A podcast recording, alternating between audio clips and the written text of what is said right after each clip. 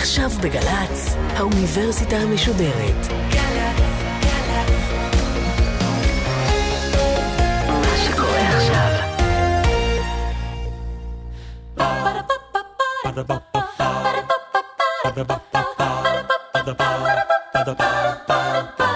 האוניברסיטה המשודרת מציגה מהים התיכון למזרח התיכון. ליעד מודריק ממפה את הבריתות במרחב. והפעם, הדוקטור הראל חורב חליבה, ראש הדסק לחקר רשתות במרכז משה דיין לחקר המזרח התיכון ואפריקה באוניברסיטת תל אביב, על מהפכת האינטרנט של המזרח התיכון. דוקטור הראל חורב חליבה, שלום. שלום רב. אנחנו עוסקים בבריתות במרחב שלנו, ואחד הכלים שנחשב לאחד הכלים המרכזיים ביותר ביצירת בריתות כאלה הוא האינטרנט. בצדק או שלא בצדק?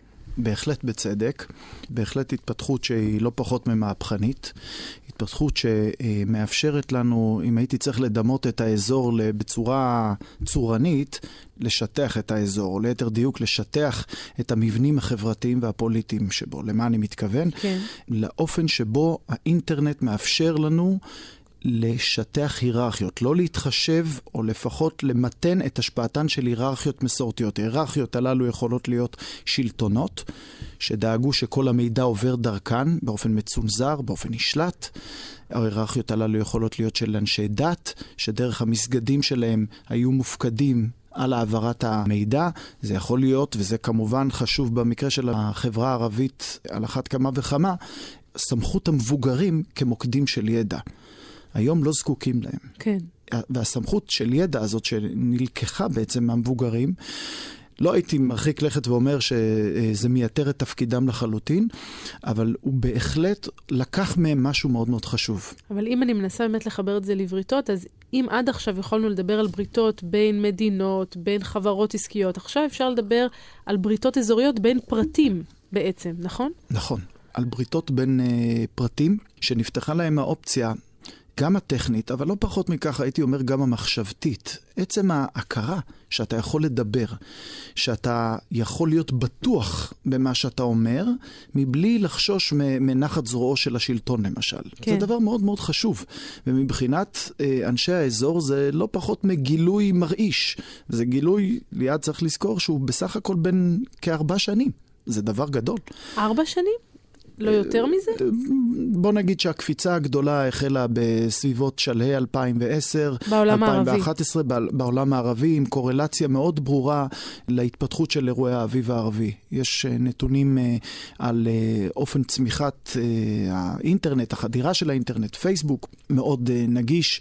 מה באמת לראות... השינוי? אפשר לדבר על שינוי באחוזים? כן, יש לי כאן, אה, אם ניקח את אחת הדוגמאות המרכזיות של האביב הערבי, את מצרים למשל, אוכלוסייה שבשנת 2011, אה, השנה שבה בראשיתה בעצם החלה, אה, החל מה שאנחנו מכנים כאביב הערבי, עם מרכאות או בלי מרכאות, אוכלוסייה של 82 מיליון, ב-2011 היו בה בסך הכל 20 מיליון משתמשי אינטרנט. זה לא מעט, כן. משהו כמו רבע מכלל האוכלוסייה. היום אנחנו מדברים על 46 מיליון. זאת אומרת, כלומר, בתוך... פי שניים ויותר. פי שניים ויותר, והכל בתוך ארבע שנים. וזה אבל אם בין... ככה אני מנסה להבין, אם אנחנו מנסים להפריד בין סיבה ומסובב בהקשר הזה, mm-hmm. אז לא בטוח שהאינטרנט הוא זה שהוביל למהפכות החברתיות, כמו שמציגים את זה, אולי דווקא ההפך הוא הנכון. המחאות הן אלה שהעלו את השימוש באינטרנט. נקודה מצוינת. האינטרנט, וזו טעות שהייתה מקובלת, היום אני חושב שהיא די נזנחה, האינטרנט איננו המניע. האינטרנט הוא כלי. כן. התפקיד שלו הוא אינסטרומנטלי. יחד עם זאת, אסור להקל ראש ברמת ה... מה שהוא נתן כן. מבחינת המוחים. ויש אנשים שעושים את זה עדיין, וזו בעיניי טעות. המקור למהפכות הן בעיות, הן בעיות אמיתיות, בעיות של מוצרי יסוד יקרים, בעיות של uh, מחיר אנרגיה שהיה בזמנו יקר, מאז מי, מי זוכר ש, שחבית הנפט ירדה. בעיות אמיתיות. כן. אלא שהאינטרנט אפשר, יצר בעצם את הפלטפורמה שאפשרה למוחים להבין שיש להם כוח לשנות. השלטונות הבינו את זה באיחור. אז זהו, וזה באמת הנקודה הבאה שרציתי שנתייחס אליה, וזה, האינטרנט בהרבה מאוד מובנים נחשב למסלול עוקף ממשל. והשאלה היא איך המדינות באזור התייחסו אל האינטרנט, כי אין דין מצרים, נגיד, כדין איראן בהקשר הזה. איך הם, כל אחת מהמדינות האלה הבינה את הכוח של האינטרנט? איראן, כמו אה, בהרבה דברים, הבינה את הדברים אה, ראשונה. למעשה כבר ב-2008 היא הקימה מערכת של ניטור ומיפוי האינטרנט, שיאפשר לה בעצם לנצל את היתרונות של האינטרנט מהצד שלה, ויש לה, וכשמדינה רוצה להשתמש באינטרנט לצד שלה, בעיקר לצרכי מודיעין, יש לכך כמה יתרונות רציניים, אם תרצי נדבר על זה בהמשך. בעיקרון, היא הקימה מערכת שהיא קנתה בעזרת uh, חברות מערביות, ובעצם מ-2008 היא בעניינים. מצרים, טוניסיה, uh, מדינות אחרות, סוריה, בכלל לא היו בעניין. לא גילו את האינטרנט, לפחות לא מבחינת הפוטנציאל הפוליטי שלו. עד שהחל האביב הערבי. כלומר, לא הבינו שצריך אולי מבחינתן, בהיותן מדינות, נגיד, לא דמוקרטיות אה, מערביות, אה, לא הבינו שהן צריכות לשלוט על, על הכלי הזה. נכון, בוודאי לא ברצינות הראויה, שוב, מבחינתן. האיראנית, שזה כן נכון, שם מתבצע. נכון. זה לא אומר שהם לא הבינו את החשיבות של האינטרנט בדברים אחרים. כן. מצרים, למשל, ממש בשנה שלפני אה, האביב הערבי, החליטה על השקעה של מיליארד דולר בשיפור תשתיות האינטרנט במצרים. באופן אה, פרדוקסלי, האינטרנט שימש במקרה המצרי באופן מאוד מאוד מובהק כפלטפורמה לשינוי השלטון. וכשהם מבינים את זה, מאוחר מדי, התגובה שלהם היסטרית. התגובה שלהם היסטרית, וזה ניכר אה, באופן אה, ממש מיידי. ב-27 בינואר, מובארק מוריד את השלטר על האינטרנט למשך יומיים, ובעצם סוגר 95% מתעבורת האינטרנט. שזה אקט מדהים במציאות שבה אנחנו חיים היום. נכון, אה, אקט מדהים, משקף את ההיסטריה, משקף את אה, אי היכולת לצפות מראש את אה, מהלך הדברים, ואקט שיש לו מחירים פוליטיים. קשים, בינלאומיים קשים. הילרי קלינטון מיד גינתה. כן. אגב, מובארק עצמו, הוא עמד לדין על הנקודה הזאת של סגירת האינטרנט, ויש לזה גם מחירים, יותר מהכל מחירים כלכליים, מכיוון שגם מדינה כמו מצרים אה, נסמכת בסופו של דבר, המערכת הבנקאית, מערכות פיננסיות אחרות, נסמכות על האינטרנט. אתה לא יכול פשוט לסגור את האינטרנט ולהגיד, לא מעניין אותי כלום, אני בבל בוי, כן. ועם זה אני מסתדר. ולכן הוא נאלץ לחזור בו מהסגירה הזו. ולכן הוא נאלץ לחזור בו כעבור... אה, כיומיים, אבל uh, האירוע כולו באמת רק חשף את היעדר המוכנות. אם נחזור למקום של האינטרנט ספציפית בהתעוררותן של תנועות מחאה, אז אולי דוגמה מובהקת היא שרה עבד אל-פתאח מ-2008? במצרים. כן. כן, זו דוגמה יפה למצב שבו האינטרנט נמצא ממש על, הייתי אומר, על הסף. הוא עוד לא מספיק, אפילו לא ככלי, בשביל להניע את הדברים הללו, בשביל ליצור באמת פלטפורמה שמסייעת לשינויים פוליטיים.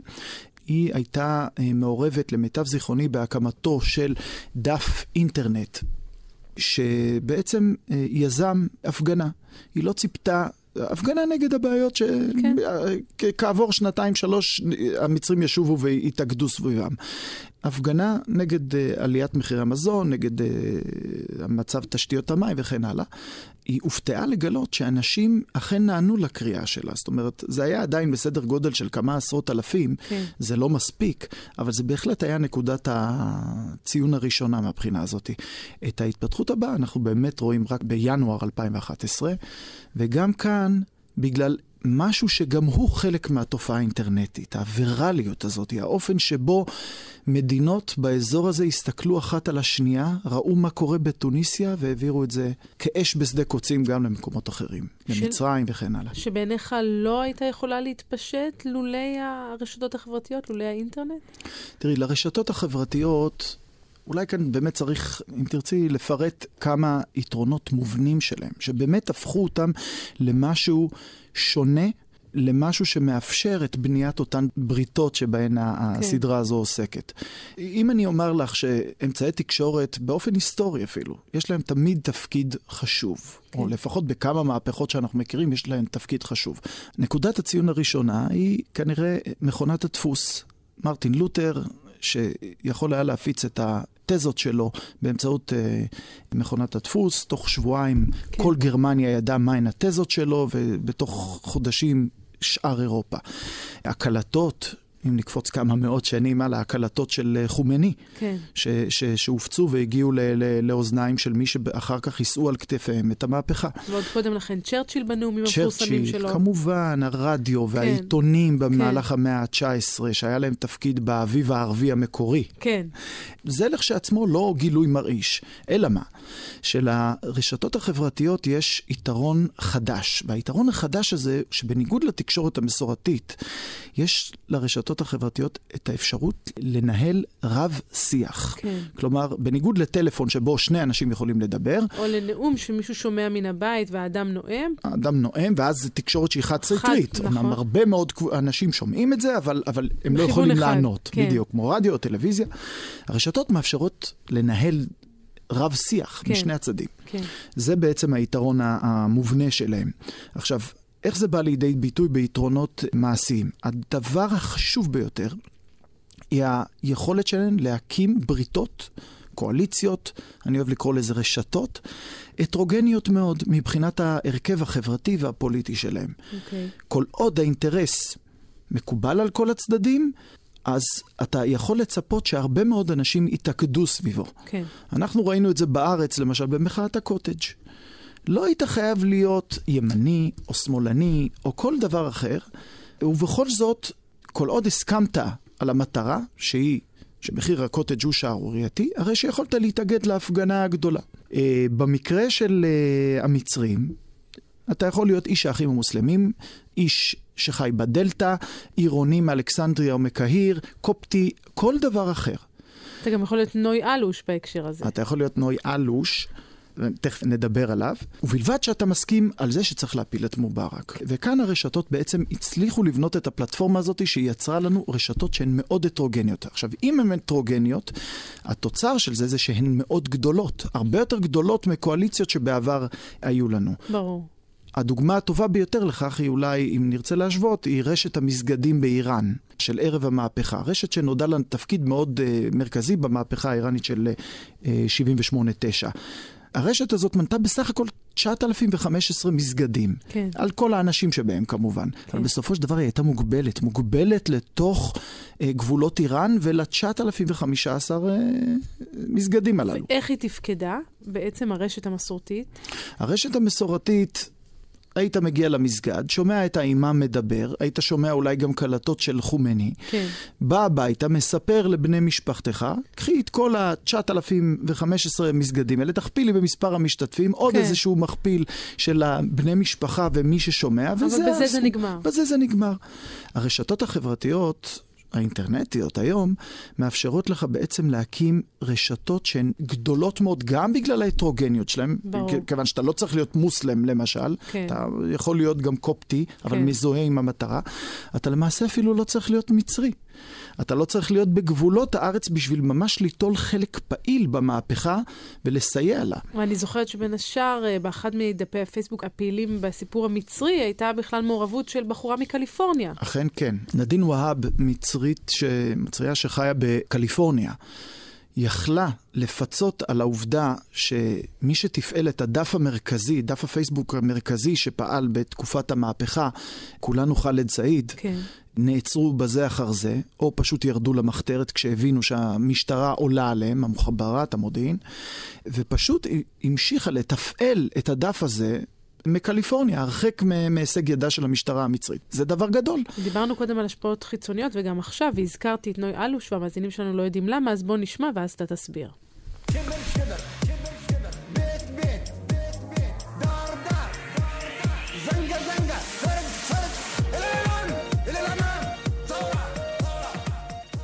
מה אנחנו שומעים? אנחנו שומעים אה, רמיקס של אה, נוי אלוש, ידידי, ש... שהסיפור שלו על אה, איך הוא יצר את הרמיקס הזה הוא מעניין בפני עצמו.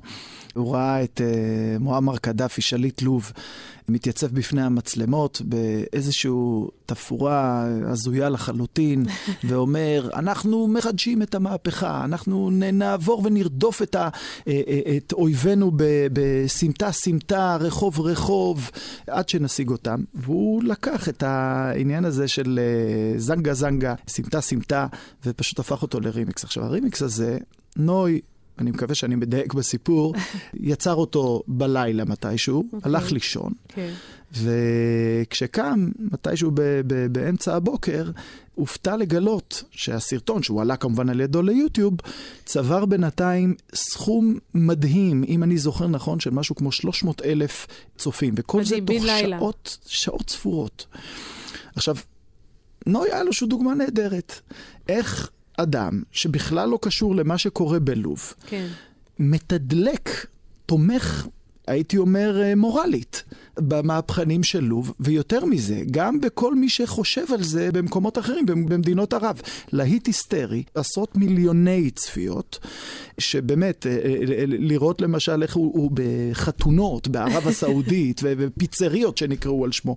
באמת דבר, אחת התופעות הכי יפות למהפכת האינטרנט במזרח התיכון. ואתה מדבר על האינטרנט והכוח שלו, התפקיד שלו במהפכות, ובאמת גם בכל דיווחי החדשות, כך זה תמיד תואר, הנה זה למשל מה-CBS, האינטרנט ככוח המניע של המהפכות באזור. It's been called the Twitter, even the Facebook revolution.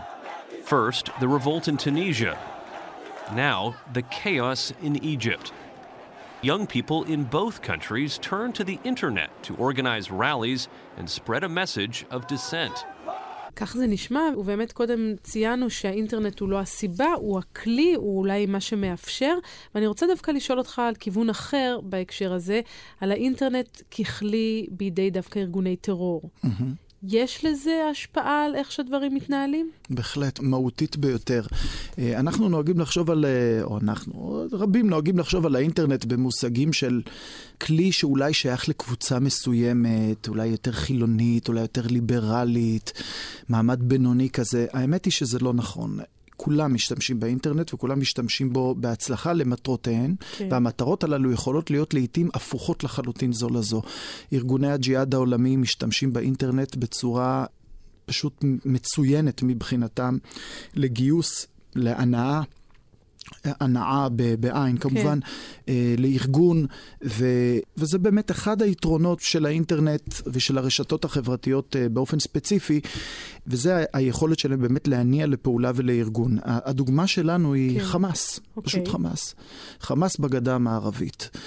התשתית של חמאס, כפי שבטח רבים אה, מאזיננו יודעים, היא נרדפה, נהרסה, מפורקת באופן שיטתי הן על ידי כוחות הביטחון של ישראל והן על ידי כוחות הביטחון הפלסטינים. אוקיי. כלומר, מבחינת חמאס נוצר כאן איזשהו פער בשטח ש, שצריך איכשהו לגשר עליו, איכשהו להתגבר עליו. והגשר הזה הוא אינטרנטי? הגשר הזה הוא אינטרנטי, במקרה הזה למשל באמצעות האפליקציה המאוד יעילה של חמאס, שמשדרת מסרים קצרים, מהירים, שאפשר לחלק אותם לשניים.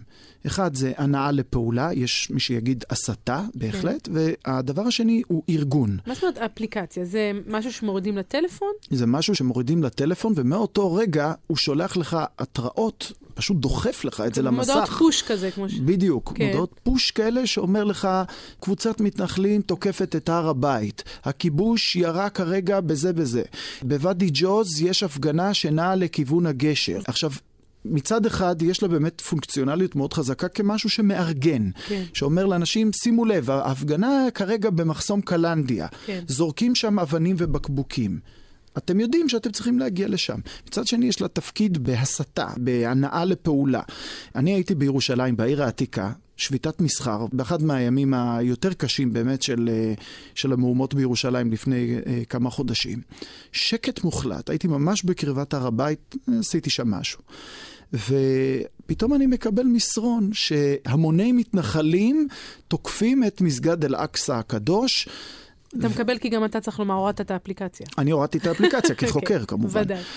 ותוקפים את מסגד אל-אקצא ומהומות נוראיות. כן. אני מסתכל סביב, שקט מוחלט, ושום דבר לא קורה.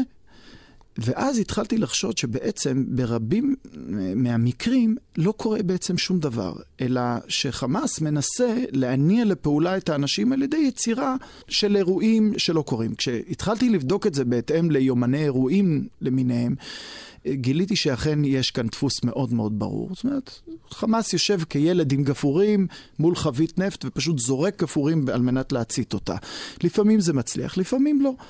מה זה נותן לחמאס? כל היכולת הזאת, הוא מאפשר לו בעצם להתגבר על כך שהתשתיות שלו ביהודה ושומרון נפגעו בצורה אנושה. אז בעצם זה לא שונה מהותית ממשטרים שמפיצים בעיתונות מגויסת דבר כזה או אחר, ההבדל המרכזי הוא שזה מגיע אליך ישירות, אל הטלפון הסלולרי, אליך הביתה. נכון, ובאופן ש... מיידי נכון. ותמידי ותדיר. נכון, ובאופן שהרבה יותר קשה לנטרל אותו. אוקיי. זאת אומרת, אפשר לשלוח את המסרים האלה מכל מקום בעולם, עקרונית. כן. זה לא שתלך תלך ותתפוס את תסגור את תחנת... מערכת העיתון. נכון, או שתתפוס את תחנת הרדיו, את תחנת הטלוויזיה, ובזה ברור. סיימת את המהפכה. אגב, סיימת, אנחנו ממש קרובים לסיום. דיברנו על האינטרנט ככוח מניע מהפכות, ככוח אה, מניע טרור בהקשר הזה. אפשר לדבר על האינטרנט גם ככוח מניע פיוס או שלום? אני בדיוק אה, מתעסק גם בהיבטים האלה, וזה מחזיר אותנו באמת, זה סגירת מעגל יפה, מכיוון שזה מחזיר אותנו לתחילת השיחה שלנו של שיטוח ההיררכיות המסורתיות. כן. מה אם כן בא במקום ההיררכיות המסורתיות? בא מין מבנה חברתי שהוא הרבה יותר מבוזר, הרבה יותר דומה ל... רשת, okay. אוקיי. הייתי מגדיר את זה. זאת אומרת שיש בה שחקנים חזקים יותר ופחות, אבל אתה בעצם יכול להגיע לשחקנים האלה באופן ישיר. אתה כבר לא צריך לעבור את כל המתווכים שהיו לך לפני כן. כן. המתווך מת. המתווך מת, ואתה בעצם יכול להגיע אליו באופן ישיר.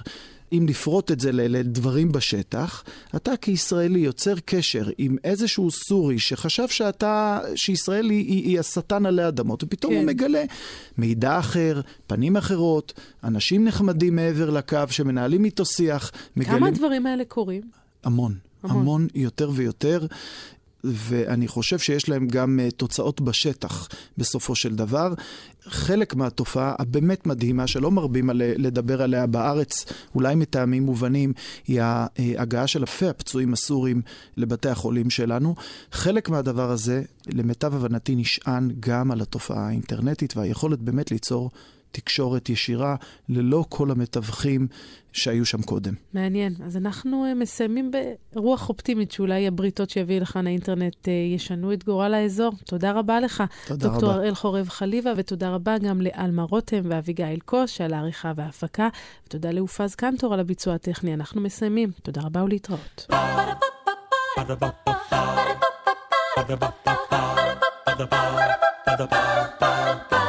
האוניברסיטה המשודרת בריתות במרחב. ליעד מודריק שוחחה עם הדוקטור הראל חורב חליבה, ראש הדסק לחקר רשתות במרכז משה דיין לחקר המזרח התיכון ואפריקה באוניברסיטת תל אביב, על מהפכת האינטרנט של המזרח התיכון. מערכת האוניברסיטה המשודרת, מאיה להט קרמן, ליאור פרידמן, אורן הוברמן וגיא עופר. האוניברסיטה המשודרת, בכל זמן שתרצו, באתר וביישומון אפליקציה של גל"צ וגם בדף הפייסבוק של האוניברסיטה המשודרת.